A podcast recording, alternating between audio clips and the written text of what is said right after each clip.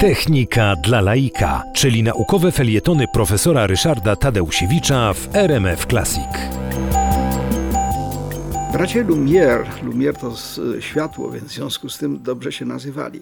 W Lyonie bracia Lumière w 1895 roku podjęli bardzo ambitne i przede wszystkim bardzo pomysłowe próby zrealizowania tego, co dzisiaj nazywamy kinem, co, co dzisiaj nazywamy filmem.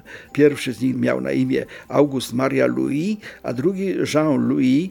No i rzeczywiście ci dwaj bracia Lumière wymyślili kilka rzeczy, rzeczy zupełnie kluczowych.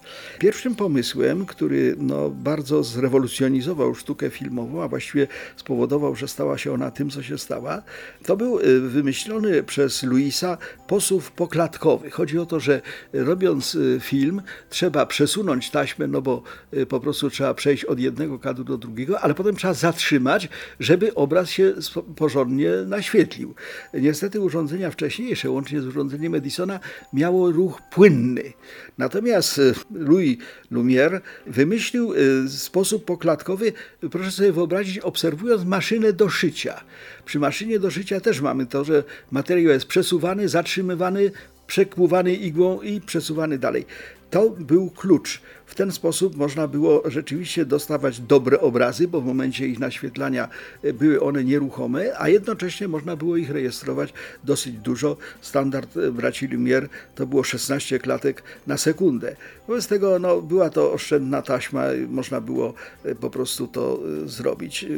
Ellison w tym swoim, tym swoim urządzeniu miał 48 klatek na sekundę, no i oczywiście bardzo szybko zużywał nośnik.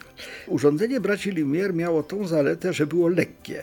Urządzenie Edisona ważyło pół tony, natomiast y, kinematograf y, Louisa i Żana Lumière był czterokilowy, zaledwie.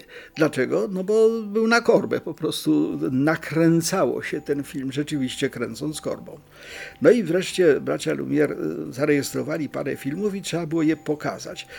Filmy braci Lumière mogły być wyświetlane, tak jak obecnie, bo były rejestrowane na przeźroczystej taśmie i wobec tego 28 grudnia 1895 roku w Grand Café w Paryżu, w salonie indyjskim tej Grand Café, odbył się pierwszy pokaz filmów.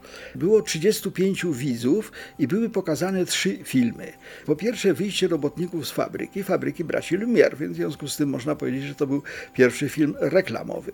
Potem był film Śniadanie, a potem był wjazd pociągu na stację Licholak i okazało się, że ten wjazd pociągu przeraził widzów, bo był filmowany od przodu. Wyglądało na to, że ta lokomotywa pędzi na tych widzów.